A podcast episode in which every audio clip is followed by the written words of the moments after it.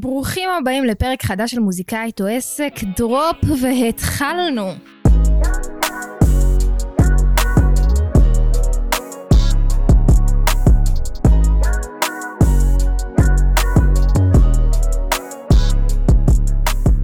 העניינים אנשים יקרים? איזה כיף שחזרתם לעוד פרק, איזה התמדה שבוע אחר שבוע, כל הכבוד לכם, שמחה לפגוש אתכם שוב.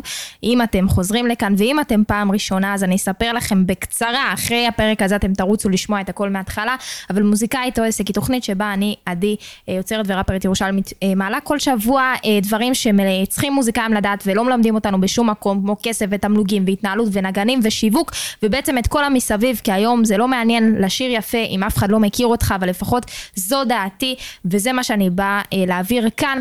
אז אה, למי שלא מכיר אותי, אני עדי הגיא יוצרת וראפרית ירושלמית, בת 23 יוצרת הפודקאסט הזה ובעלת עסק היום היחיד בארץ שבה מוזיקאית בעצמה מלמדת אתכם כל מה שהיא לומדת אה, על הבסיס שלה, ובעצם העסק שלי עוזר למוזיקאים לקחת אתכם משלב שרק חברים ומשפחה אה, יודעים על זה שאתם שירים ומפרגנים לכם כל החברים שלכם המוזיקאים איך אתם מגיעים לפאקינג קהל אמיתי שבסוף קונה כרטיס להופעות שלכם דרך זה שאתם לומדים יח"צ בעצמכם, לומדים קמפיינים בעצמכם, לומדים לעשות תוכן שמתפוצץ בטיקטוק ואיך אתם משמרים את הקהילה הזאת באינסטגרם בעצם לקהל אמיתי כמו שאני עושה, אני מעבירה את כל הידע הזה בליווי אה, וזהו אז אם זה רלוונטי עליכם אתם מוזמנים לפנות אליי באינסטגרם, בפייסבוק ולראות אולי אנחנו מתאימים לעבוד ביחד. קדימה, בואו נתחיל היום בפרק. את הפרק היום אני רוצה אה, להתחיל באיזשהו סיפור קטן, שמתוכו אנחנו נגזור את המסקנה אה, של מה שקרה, ונוכל להסיק ממנה משהו מגניב.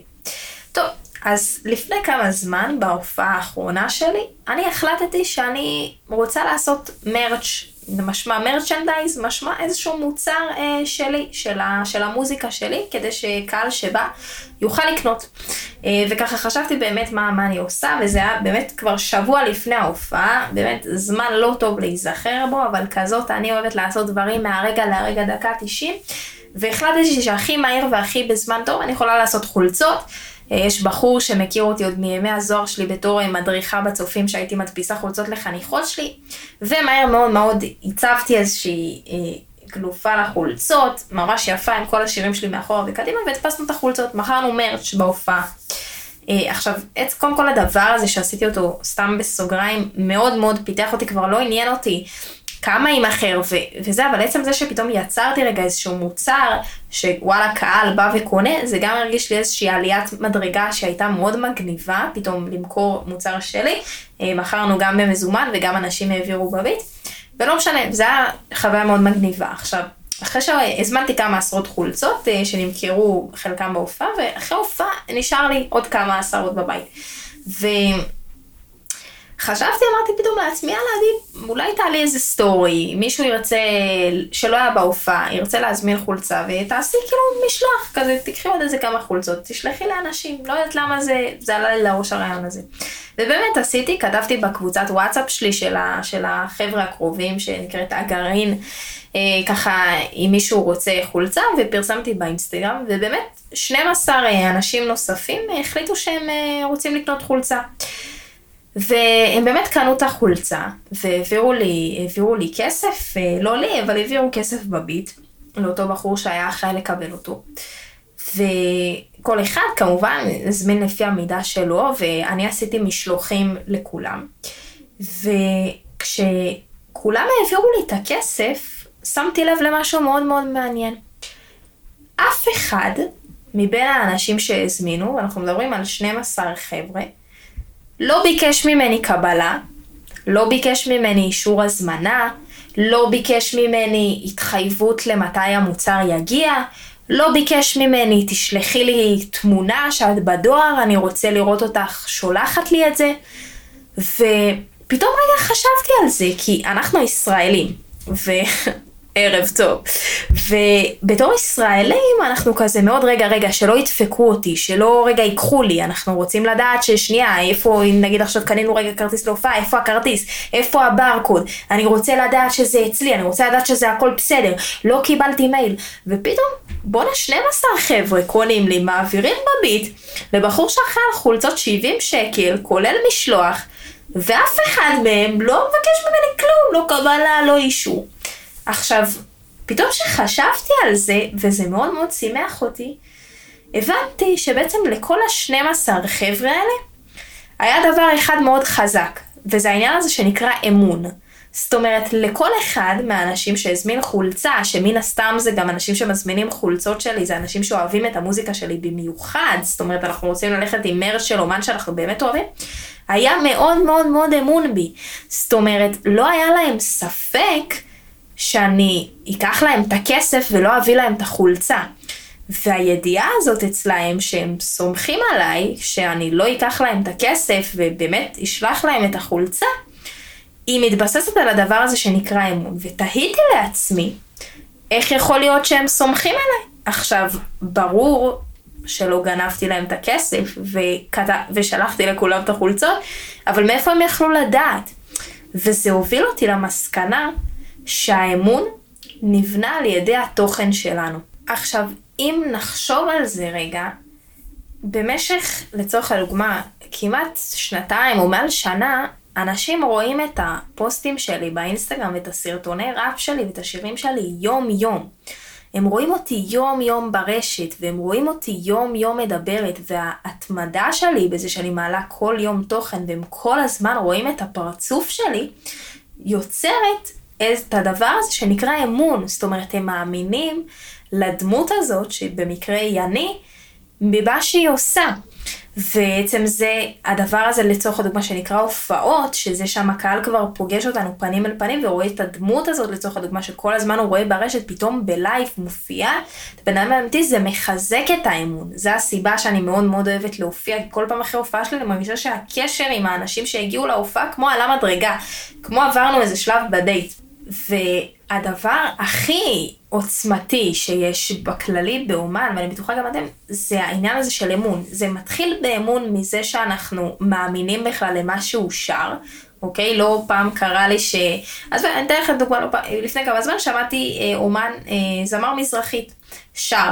עכשיו, בטקסט שהוא שר, הוא שם אומר משהו, אין, לה, אין לי כסף למונית, איזה משהו כזה. עכשיו, אותו זמר הוא... ממשפחה מאוד מאוד עשירה.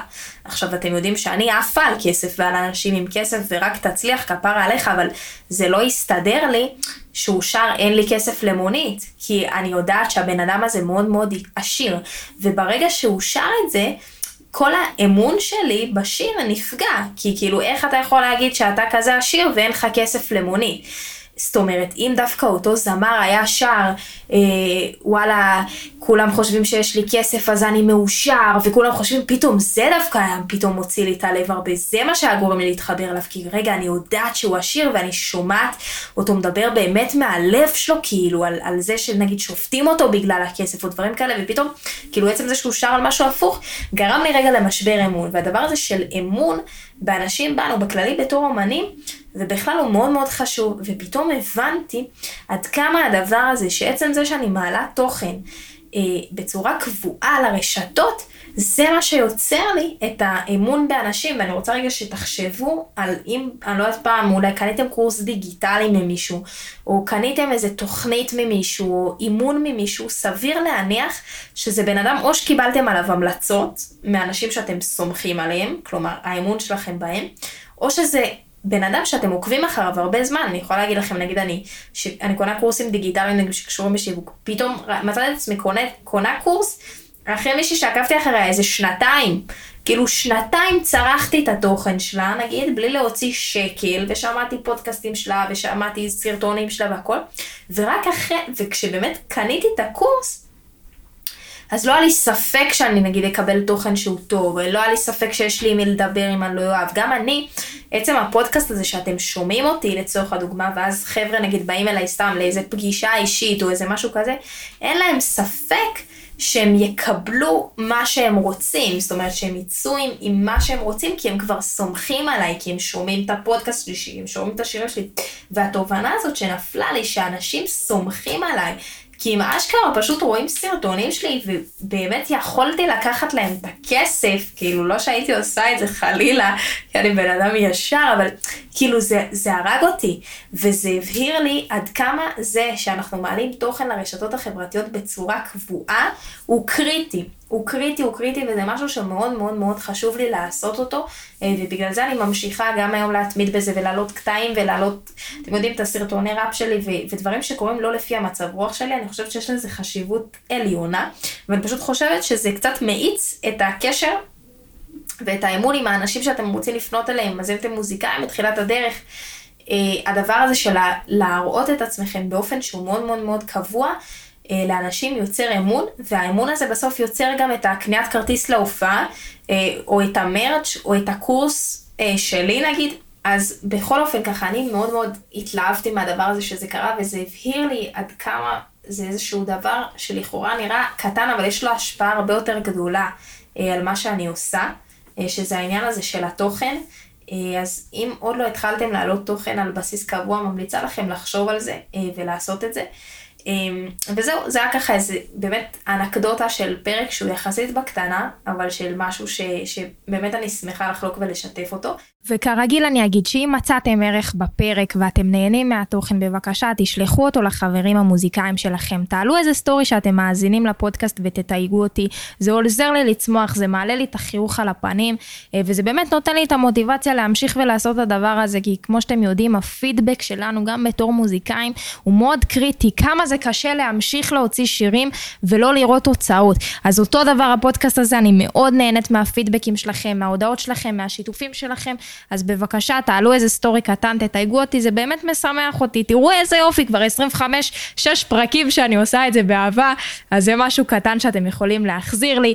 אמ, כרגיל אני אגיד תודה רבה לאור פרידמן שעורך את הפרק הזה בשמחה ואת כל הפרקים שלנו, ושוב אני אזכיר שאם אתם מוזיקאים, יוצרים, זמרים, ואפילו ראפרים, שזה בכלל העם שאני אוהבת לעבוד איתם, ואתם רוצים להבין איך אתם לוקחים את המוזיקה שלכם לשלב הבא, הוצאתם כבר מלא שירים, אתם מוציאים מלא כסף על יחצנים ועל הקליפים ואף אחד לא מכיר אתכם, תשלחו הודעה, אולי אתם מתאימים לליווי שלי אה, ונוכל לעשות ביחד אחלה תהליך. כרגיל, נסיים עם שיר שלי, נתראה בשבוע הבא, שיהיה לכם המשך יום קסום, אנשים צדיקים, יאללה ביי.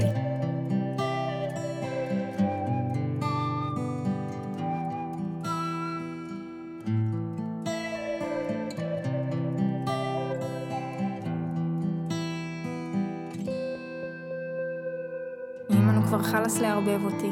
תסתכלי עליי כפרה, מי ירצה אותי? אני יפה או חכמה, האוצר שבתיבה, את היחידה שרואה את זה וזה הורג אותי. תפסיקי להכיל אותי סרטים, תפסיקי כבר לתת לי לצפות מהאנשים. כנראה אגמור לבד, אני לא יודעת, כי אפילו בכיתה היו זוגות, אבל היו גם בודדים, תביני, אף אחד לא רואה אותי בקטע כזה. אני הסחבקית של החבר'ה, יש את הרגע הזה, שאני אומרת לעצמי שאני לא פחות מהן, אבל זה לא עוזר לי לכסות את הפצע הזה.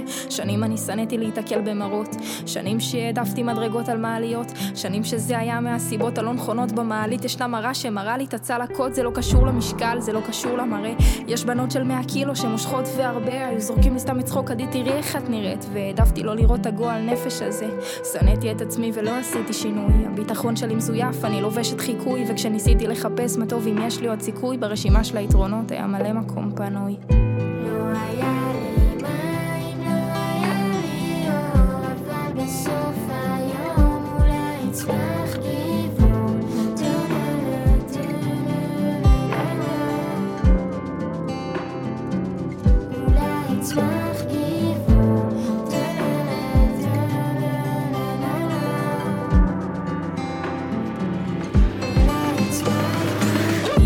יודעת זמן עבר, וכואב להסתכל על התמונות שלי. היום אני כבר לא אותו דבר, וכמעט שלא רואים את הצלקות שלי. בכנות, אני בין היפות, אמיתי לדעתי לפחות. גם בפיג'מה, גם בחליפות. תמיד אמרת, בגדים זה עטיפות והיום אני עולה במדרגות אבל רק כי זה בריא וכי שנתיים אני מתאמנת כשאני נתקלת במראה במעלית אני מסתכלת, לפעמים אני הולכת עם מלא ביטחון ואז אני נזכרת בילדה בתיכון ותוהה כמה ממנה עדיין נשאר אצלי ואם היא עוד הסיבה שאין אף אחד לידי